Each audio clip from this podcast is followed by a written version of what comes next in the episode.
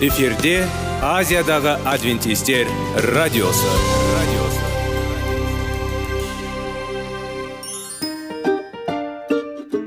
Сәлем достар. Денсаулық өмір бұлағы және біздің бірінші байлығымыз демекші денсаулық сағаты рубрикасына қош келдіңіздер. Біздің рубрикада біз әртүрлі факторларменен мәліметтерменен кеңестерменен бөлісіп шын жүректен сіздердің дендеріңіз сау болғанын қалаймыз. Сол үшін біздің рубрикаға қош келдіңіздер. Дайындалып тұрыңыздар. Өйткені келесі минуттарда қызықты фактілерге ие боласыздар. Енді достар ең бірінші байлығымызды қолымызға алып алға кеттік.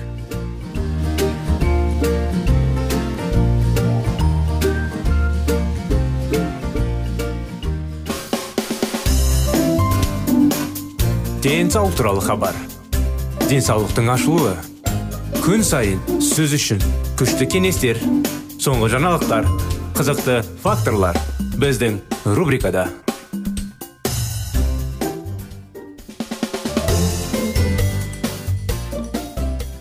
сәлем достар ассалаумағалейкум құрметті біздің радио тыңдаушыларымыз біздің денсаулық сағат бағдарламамызға қош келдіңіздер құрметті достар сіздердің назарларыңызға салауатты болу салауатты өмір салты тақырыптарын жалғастырайық лондон профилактикалық медицина институтының профессоры вольфсон адамның ішімдік ішкеніне қарамастан 30-40 жыл нәтижелері өкінішті болады. 30 жыл ішінде жүрек ұстамасы үшін әртүрлі алғышараттар жинақталған. Инфаркт бұрын кім кейінірек кім бар? Медициналық куәландыруды ешқашан 30-40 жыл бойы өлген сыра деп жазады. Ал өлімнің себебін көрсетеді. Миокард инфаркті цирроз бауыр обыр инсульт. Тағы бір мысал шылым шегетін әйелдерге байланысты. Англияда бұл көрсеткіш францияға қарағанда 9 пайызға артық және 30 пайызға артық. Америкаға қарағанда статистикаға жүгінеміз. Үш елдің қайсысы инфаркт себебін әйелдердің көп саны өледі англияда. Сент джорджи нобель сыйлағаның лауреаты әрбір мәселе тіпті ең күрделі өте қарапайым жауап бар. Бірақ көбінесе онымен саналмайды. Бұл сөз. Француз парадоксы туралы пікірталасқа қалай жарай алды француздар басқалардан ұзағырақ өмір сүреді бірақ бәрі инфарктпен бірдей өледі. Ал францияда жүрек ұстамасының негізгі себебі ұзақ шарапты қолдану салдары ауыр. Шарап инфаркт. Көз университетінен профессор кэрол харт шотландия және бристольдегі әлеуметтік медицина департаменті англия 21 жыл 21 жыл бойы бақылау жүргізіп 5766 алкоголь ішетін 35-тен 64 жасқа дейінгі ерлер. Алкогольдің аз мөлшері тазартылады деп болжалды. Қан майлардан ал ыдыстар май қабыттарынан сол арқылы ағзадағы қан айналымын жақсартады. Бірақ нәтиже кері болды. Алкогольдің аз мөлшерін қолданылғандар оған үйренген олар үшін ауаның жұтылуы болады. Уақыт өте келе мұндай дозаланған шетіндер бәрін қолдануға көшті. Көптеген алкоголь және созылмалы ауруға дейін жетті. Созылмалы алкоголизм қайда? Онда жүрек қан тамырлары аурулары және бұл қарамастан ағылшын және шотландиялықтар жоғары сапалы алкогольді сусындарды қолданады. Дж. Шварцбаум және агая университетінің әріптестері ақш дол сиэтл қаласында дүниежүзілік қауымдастықтың эпидемиологиялық зерттеулер саласындағы 33 сессиясында сөйлеген сөзінде бүкіл сеніммен мәлімдеді. Кішігірім алкоголь дозалары еді. Тиіс кенету ыдыстар мен қандағы майларды ерту емес ықпал етеді. Алдын алу атеросклероз және жүрек жеткіліксіздігі бұл туралы болды. Жүрек қан тамырын аурулармен 1569 ер адам тексерілді. Доктор шварцбаум сондай ақ 34 жасқа дейінгі ерлер мен әйелдер 45 жасқа дейінгі әйелдер өз өмірінде ішімдік ішкен. Пайда болу қаупіне ұшырамаған аритмия және басқа жүрек тамыр оның ішінде гипертония және атеросклероз. А шарпер және виринами 13 жыл бойы 7169 бақылау жүргізді. Аз мөлшерде ішімдік ішкен және созылмалы ішімдік ішкен ер адамдар. Олардың пікірінше алкогольдің өз аз мөлшері ағзада өз ісін жасайды. Медицина зерттеушілер бірі өз ғылыми мақалалар жазады. Болар еді өте жақсы егер аз адам сөйлемейтін немесе қалыс қалған себебін келіспесе. Бұл бірнеше тамшы виски оған кедергі жасамайды. Мен досымның тарихын еске аламын. Біз танысқан онымен бірге краевта ол отбасында өсті онда ешкім ішкен жоқ. Банилов қаласында үздік орта мектепті бітіргеннен кейін бекініс. Ол бухарест қаласындағы мемлекеттік медициналық институтқа түсіп онда тек қана өте жақсы оқып жақсы медик болу оның міндеті деп сенді.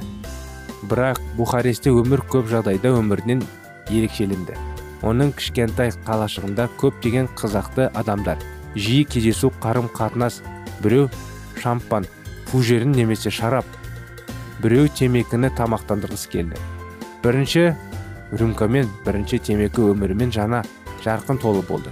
Ішуге және темекі шеуге әдетке кірді. Дегенмен мединститут дос өте сәтті аяқталды. Қызыл диплом алды мүмкіндігі ашылды жас маманның болашақ өзіндік өмірі. Ол дәрігер нейрохирург тәжірибесін бастады. Әріптестер мен пациенттер атап өтті. Хирургтың әрбір науқасқа деген шынайы қызығушылығы оның көмекке емдеуге шұғыл ота жасауға деген шынайы ниетті өте күрделі. Оған бәрі жақсы болды. Барлығы оларға таң қалды. Бірақ достары риза емдеушілер жанкүйерлер алкоголь өзенімен құйылды. Уақыт өте келе дәрігер болды. Ашулы және тұйық. Ол қолдарын ауа баста, жауа бастады. Және ол жауапты болды операцияларға. Тәжірибелі хирург шулы ретаряққа айналды іштейтін дәрігер. Ол бастаған бірақ операцияны аяғына дейін жеткізе алмады. Және тәжірибелі әріптестер араласуы және олардың аяқталуы тиіс еді. Емделушілер хабарласуды тоқтатты. Бұл клиникада ішетін адамның кінәсіне не болып жатқанын көріп хирург құлдырау мен құлдырау айқын болды. Жұмыстан шығу жұмыстан отбасы күлі созылмалы алкоголизм және өз өзіне қиыншылық тарихының соңы қорқынышты болды. Бұрынғы хирург мас төсекте түтінделген темекі бар қолында ұйықтап қалған ол өзі және пәтердің көп бөлігі жанып кетті. Біреу алкогольді қалыпты пайдалану деп айтты. Бұл болашақ мас әйелдерді тәрбиелеу мектебі. Ақш каролина штаты университетінің анатомия профессоры мелвин найсли маған сеніңіз. Мен де бір кездері ішеді ол ішеді деп ойлайды. Осындай оқиғалармен құрметті достар әрине тақырыптың жалғасын жалғастырамыз келесі жолға дейін. Мүмкін кішкене басынан бастап сізге ары қарай еске алатындай. Уақытымыз кеп қалды. Сіздерге келесі жолға дейін сау саламат болыңыздар дейміз.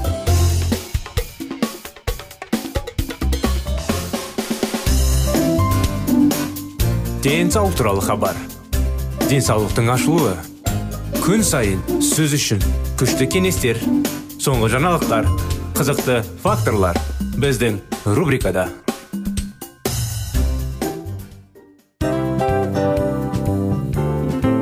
Әуелі байлық денсаулық екінші байлық он саулық үшінші байлық ақ жаулық. Ал енді осындай радио парақшадан кейін не дейміз? Барлықтарыңызға денсаулықтарыңыз зор болсын деп тілейміз. Денсаулықтың өзгеруі кішкентай нәрселерден басталады. Осымен біз берген кеңестер мен мәліметтер шын жүректен сіздер үшін қандай да бір болсын жәрдем берді деп үміттенеміз. Тыңдаушыларымызбен келесі радио парақшасына дейін қоштассамыз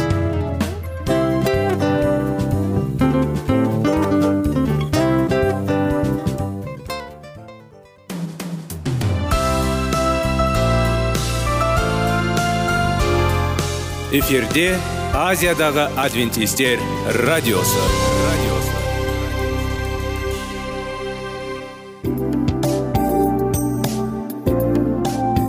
сәлем достар. Барлықтарыңызға шын жүректен сөйлесек рубрикасына қош келдіңіздер деп айтпақшымыз. Шын жүректен сөйлесек бағдарламасы әртүрлі қызықты тақырыптарға арналған. Шындығында шын жүректен сөйлесек деген сөздің мағынасы екі достың екі адамның ортасындағы шын жүрекпен сөйлесуі бір біріне сенуі ашықтық пен шындықты білдіреді. Сол үшін біздің бағдарламалар әртүрлі қызықты тақырыптарға арналған. Дайындалыңыз жаңа қызықты мәліметтерге ие болуға. Ондай болса кеттік.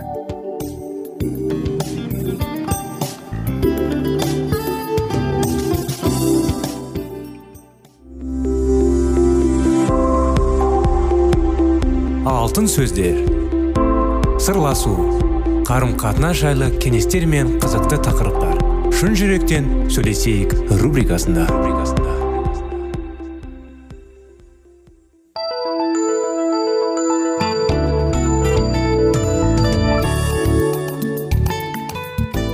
Армысыздар сәлеметсіздер ме? Құрметті біздің достар құрметті радио тыңдаушыларымыз. Сіздерменен бірге шын жүректен сөйлесейік бағдарламасы жалғасуда. Сіздермен бірге баланың жүрегіне бес қадам тақырыптарын бастаған едік.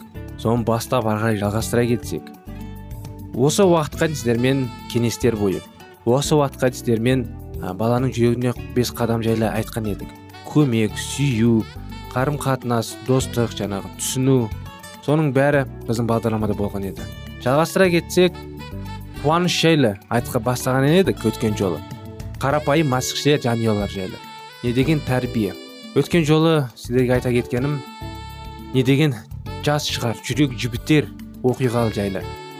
Кішкентай баланы көрші баламен қырылысып әрине ол үйіне жылап кеп оған атасы жұбатып ата анасы оны түсініп оны ұрыспай қазіргі уақытта көптеген ата аналар баланы кешірім сұратып оны дұрыс бағалап оны дұрыс тәрбиелеп оған бәрін дұрыс түсіндіруге соның бәрін көмектесуге үйретудің орнына бір нәрсе қателіктер үшін ұрсады. Қателік болмаса да ұрсады айқай сай салады. Бала тиіс жүрсе болды. Оның бәрі дұрыс емес. Ол бала ертең болашақты болашақ. Ол оның болашақ мінез құлқы қандай болады? Сондықтан бізге құдай әрдайым көмек береді күш қуат береді. Өткен жолы маған ұнағаным сіздерге де ұнады деп ойлаймын. Айтбекке жаңағы серік деген көршілесі алдында тартып алған заттарын қайта әкеп берді. Не деген керемет. Бірақ айтбек оған барып тағы қосымшаттар берген кезде сол жаңа серік қайта әкеп берді ғой. Ары қарай кеттік енді құрметті достар. Қуаныш жалғасады. Туған күн жайлы айта кетсек бүгін сайлаудың туған күні. Мектептегі сабақ өте ұзақ болған сияқты. Мұғалімдер оған жеңілдік жасады. Тақтаға шақырып сабақ сұраған жоқ. Қандай жақсы. Міне ең соңғы қоңырауда соғылды. Алақай енді үйге қайтуға болады деді ол қуаныш қойны саймай. Даладағы тамылжынған табиғат жанындағы жадыратып көңіліне дем бергендей көктемгі күн нұры көшелерге шуғын молынан төгіп тұр. Майда қоңыр жел бетінде өбеді. Осынау кен дүниеде өмір сүре қандай ғанибет еді? Оның үстіне ол бүгін кәдімгідей ер жетіп он жасқа толып отыр. Сайлау мектептен шыққан бойда осындай көтеркіні көңілімен бірде ысқырап бірде әндетіп жүгіре басып үйіне қарай беттеді. Мамасы туған күнге дайындық жасап әбігер болып жүр екен. Ұлы көп көрім ер жетіп қалды. Бүгінгі күн ол үшін аса әсерлі де қуанышты болып өтсін деп бір ниетін сала дайындалуда. Түрлі түсті кремнен жасалған райхан гүлдермен. Безендірілген үлкен торт. Мерекелік дастархан көрік беріп тұр. Қазір қонақтар келеді. Сайлаудың қуаныштың көңілін тасып танып тұр. Алақай мұннан барылған маған ба? Дастархан толып тұр ғой. Осының бәрі қашан дайындалып үлгергенсің бүгін сен он жасқа толдың. Осындай ілтипат көрсетуге лайықсың деді мамасы. Ал қазір киіміңді ауыстыра да нанға барып кеші жүгіре басып ас үйден шыққан сайлау дәлізден қарындасы нұргүлді көрді. Ол төрт жаста еді. Бүлдіршіндей сүйкімді қарындасын сайлау жанындай жақсы көреді. Көгілдер түсті бұршақтарды барақ көйлегі женішке бұрымдағы үлпілдек банты оған жарасып нұргүл ағасына қарап құлағына күлімсіреп сайлау саған беретін сыйлығым бар деді. Солай ма? Ол қандай сыйлық? Айтпаймын сосын беремін. Қуысың ғой өзін сайлау мейіріміне күлімсіреді де кішкене қарындасының тосып жағылған томпақ бетінен шөп еткізіп сүйіп алды. Бұл кезде жұмыстан қайтқан әкесі мамасына дастархан мәзірін үстелге қоюға жәрдемдесіп жатты. Қазір қонақтар да келіп қалар. Шақырылғандар көптеп қандай жанұяда сіздер бүгін байқайсыздар? Қандай жанұяда ата аналар бүгін балаларына үлгі? Қай жанұяда әкесі жұмыстан келсе де анасына бірнәрсе әзірлеуге көмектеседі? Сен әйелім бүгін шаршадың ғой сүйіктім. Саған көмектесейін деп. Қандай күйеу ондай айтты? Күйеулері бүгін азан кешке жұмыс істедім деп келіп тамақ ішіп да аяқтарын көтеріп қойып диванға жайғасып алады ал азынан кешке дейін әйелі балаларға тамақ беріп оларды сабақтарына апарып сабақтарын оқытып үй жинап күйеуін күтіп күйеуіне тамақ беріп бәрін әзірлеп ол үйде жұмыс істейтініне шаруасы жоқ. Ол балаларға қарайды оның бәрі қандай күш қандай шаршау алады? Оның бәріне күйеуінің жұмысы жоқ. Құрметті тыңдаушылар құрметті достар мінекей жастап ойланайық бүгінгі күнде. Біздің әйеліміз бен күйеуіміздің қарым қатынасымыз қандай? Бүгін балаларға біздің қарым қатынасымыз үлгі бола ала ма? Біздің қарым қатынасымызға қарап балалар бізге көмектесіп өздері дұрыс тәрбие алып жай ғана бір көмектен үлгі ала ала ма деп. Әрине күйеулер әйеліне көмектесіп бір біріне махаббат татуласып керемет қуаныш бақытты жанұяда өмір сүрсе қандай керемет? Балалары әрине бір бірінен сүйіп бір бірінде түсініктеме болып бір бірін дос болып қарым қатынастары керемет болар еді. Жаңағы оқиға келе келсек олардың арасында атасы әжесі сенбілік мектепке бірге барып жүрген достары сыныптас досы қайсар бар. Бір ауылда тұратын футболды бірге ойнап жүрген достары да туған күнге келеміз деп уәде берген. Мен қандай бақыттымын? деп ойлады ол. Масаттана. Мінекей осындай оқиғалар құрметті достар осындай қуаныш осындай практикалы жағдайда баланың жүрегіне бес қадам же тақырыбында осындай қуанышты практикаларды сізге жеткізгіміз келіп отыр. Әрине жалғастықтары келесі жолы болады. Осымен бүгінгі күнде бағдарламамыз аяғына келді. Келесі жолға дейін сау болыңыздар.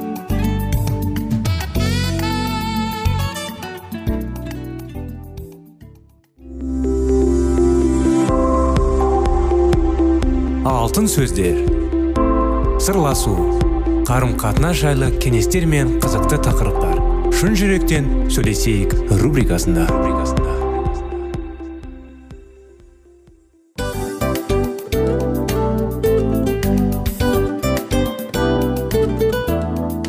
Құрметті достар барлық ең соңғы кеңестер аяқталған соң біздің программамыз соңына келіп қалды. Осы біздің мәліметтер осы рубрикада айтылған әрбір сөздер сіздерге өзінің қандай да бір пайдасын алып келді деп шын жүректен сенеміз. Және бұдан да көптеген рубрикаларымыз бар. Басқа рубрикаларымызда біздің зерттеулерімізде сіздер үшін тағы да қызықты мәліметтер дайын. Біздің шын жүректен сөйлесейік парақшамызда көптеген әдістер ең соңғы кеңестер адамның нравственность жақтан моральдық жақтан тазалап байыта тұрған соңғы кеңестердің барлығын жанарады. сондықтан алдыңғы күндерде бізбен бірге болыңыздар. Өйткені барлық қызықтар алдыда. Бізбенен бірге болғандарыңызға үлкен рахмет. Келесі кездескенімізше сау сәлемет болыңыздар.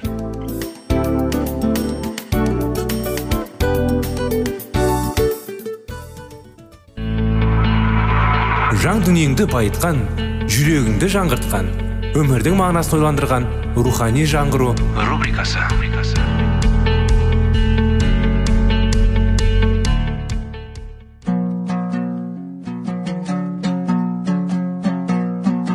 Ассалаумағалейкум біздің тыңдаушыларымыз. Келі кітаптың шындығын ашып берген қысқа бағдарламасына қош келдіңіздер. Барлығынан жоғары жаратушы біздің қарыңғылықта жалғыз қалдырып қойған емес. Өйткені ол келешекте не болу керек екенін киелі кітаптың парақтарында ашып береді. Немесе келіңіздер бізге қосылыңыздар. Жаратушы бізге нен ашып бергенін зерттейміз. Бұл сөздер иерусалимнің тұрғындарының жалған тазалықтарын ашық суреттейді. Құдай заңын орындап жүрміз деп мақтанып шын мәнінде заңды олар барынша аяқ асты қалған. Олар иса масықты жек көрген. Өйткені исаның тазалығы олардың шынымен кім екендерін әшекерледі. Оның таза және күнәсіз екенін біле тұра олар исаның өлімі ғана барлық ұлтты қауіпсіздіктерді деп шешкен. Егер оны тірі қалдырсақ барлық халық оны соңынан еріп кетіп ерімдіктер келіп біздің жерімізді басып алады. Егер оны өлтірсек онда яхудилер қайтадан күш алып біріккен ұлт болып қала береді деп есептеген. Сөйтіп олар дін мұғалімдерінің шешімдерімен келісіп бүтін бір ұлт құрығынша бір адам құрсын деп ойлаған. Осылайша яхудей басшылары өз қолдарын ғана емес барлық иерусалимді қанға бояды. Күнәнің үстіне күнә қосып жазықсыз жанды өлтіргендеріне қарамастан яхудилер өздерінің құдайдың қалаулы халқымыз деп есептеулерін қоймаған. Пайғамбар өз сөзін жалғастыра келе былай деді. Сион жыртылып тасталған аңыз далаға айналады. Иерусалим қирап тау болып үйіліп қалады. Оның орны орманды жотаға айналады. Иса мәсіх иерусалимнің тағдыры туралы айтып кеткеніне шамамен қырық жыл толса да құдай өз шешімін шегіндеріп шыдамдылықпен күтті. Шынымен де құдайдың мейірімінің шегі жоқ. Оның ізгі хабарын қабыл алмай жіберген елшісін айқыш ағашқа керіп өлтірген тон мойын тәртіпсіз халықтың айуандық еріктеріне шындығын шексіз алланы таусылмас махаббат иесі деп анық айта аламыз. Жемісін бермейтін інжір ағашы туралы мысал құдай мен яхудей халқының қарым қатынасының белгісі ретінде қарастырылған. Орын алғызбай мына ағашты кесіп таста деген бұйрық берілді. Бірақ құдай бұл қаланың тағдырын шешуді біраз уақытқа шегіндірді. Мәсіх және оның келуінің мақсаты жайлы білмейтін көптеген яхудилер бар болатын. Ата аналары бас тартқан ақиқат болашақ ұрпаққа жетуге тиісті еді.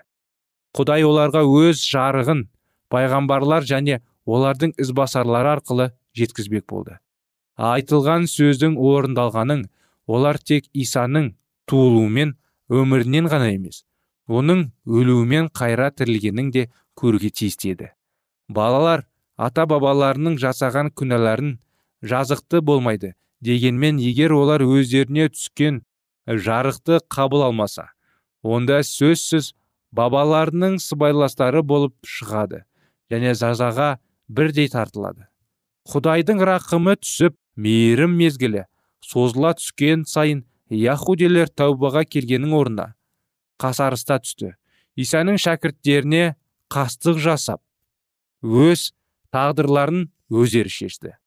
Құдай оларды бұрынғанша қорғамайды. Сөйтіп олар өздерінің қалап алған басшыларының яғни ібіліс пен оның қараңғы күштерінің қоршауында қалды. Бірақ ібіліс олардың бойларында зұлымдықты қоздыра берді. Олардың бойларын ашуыза кернеп өз басшыларын етіп олар зұлымдықта таңданды. Қатыгездіктерімен бұлар шайтанға өте ұқсас болды. От басында да қоғамда іштарлық жек көрушілік ашушандық кісі өлтіру берік орын алды. Қауіпсіз жер тыныштық көрінбей кетті.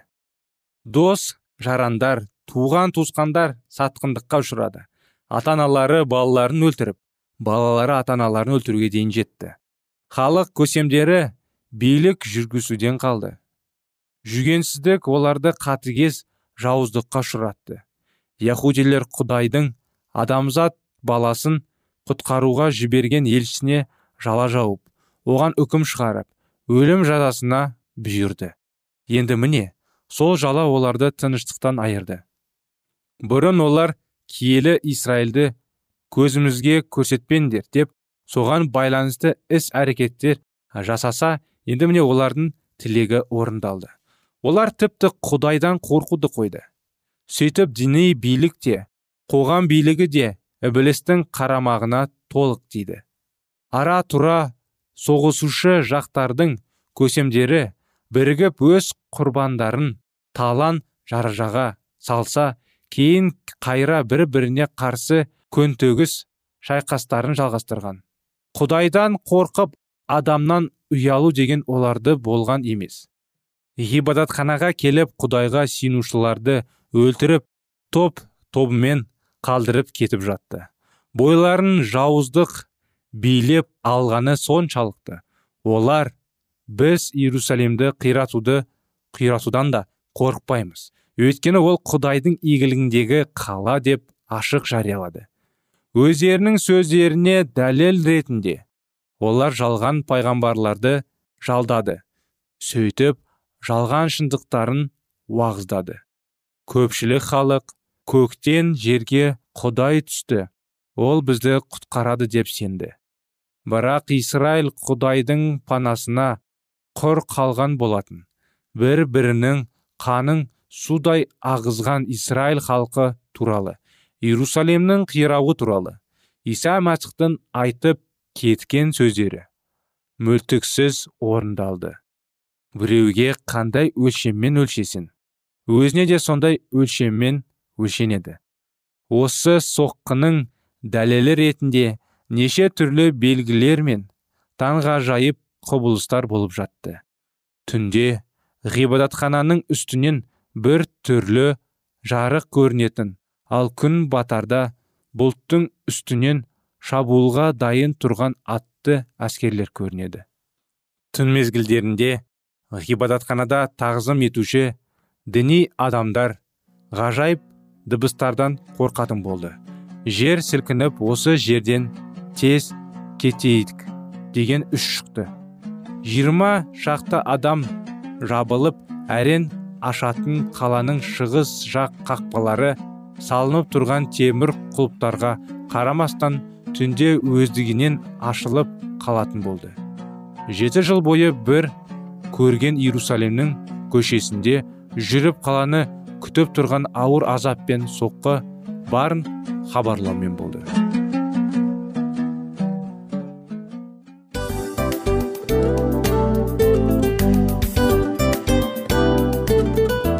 Достар біздің радио парақшамыз өзінің соңына келіп те қалды.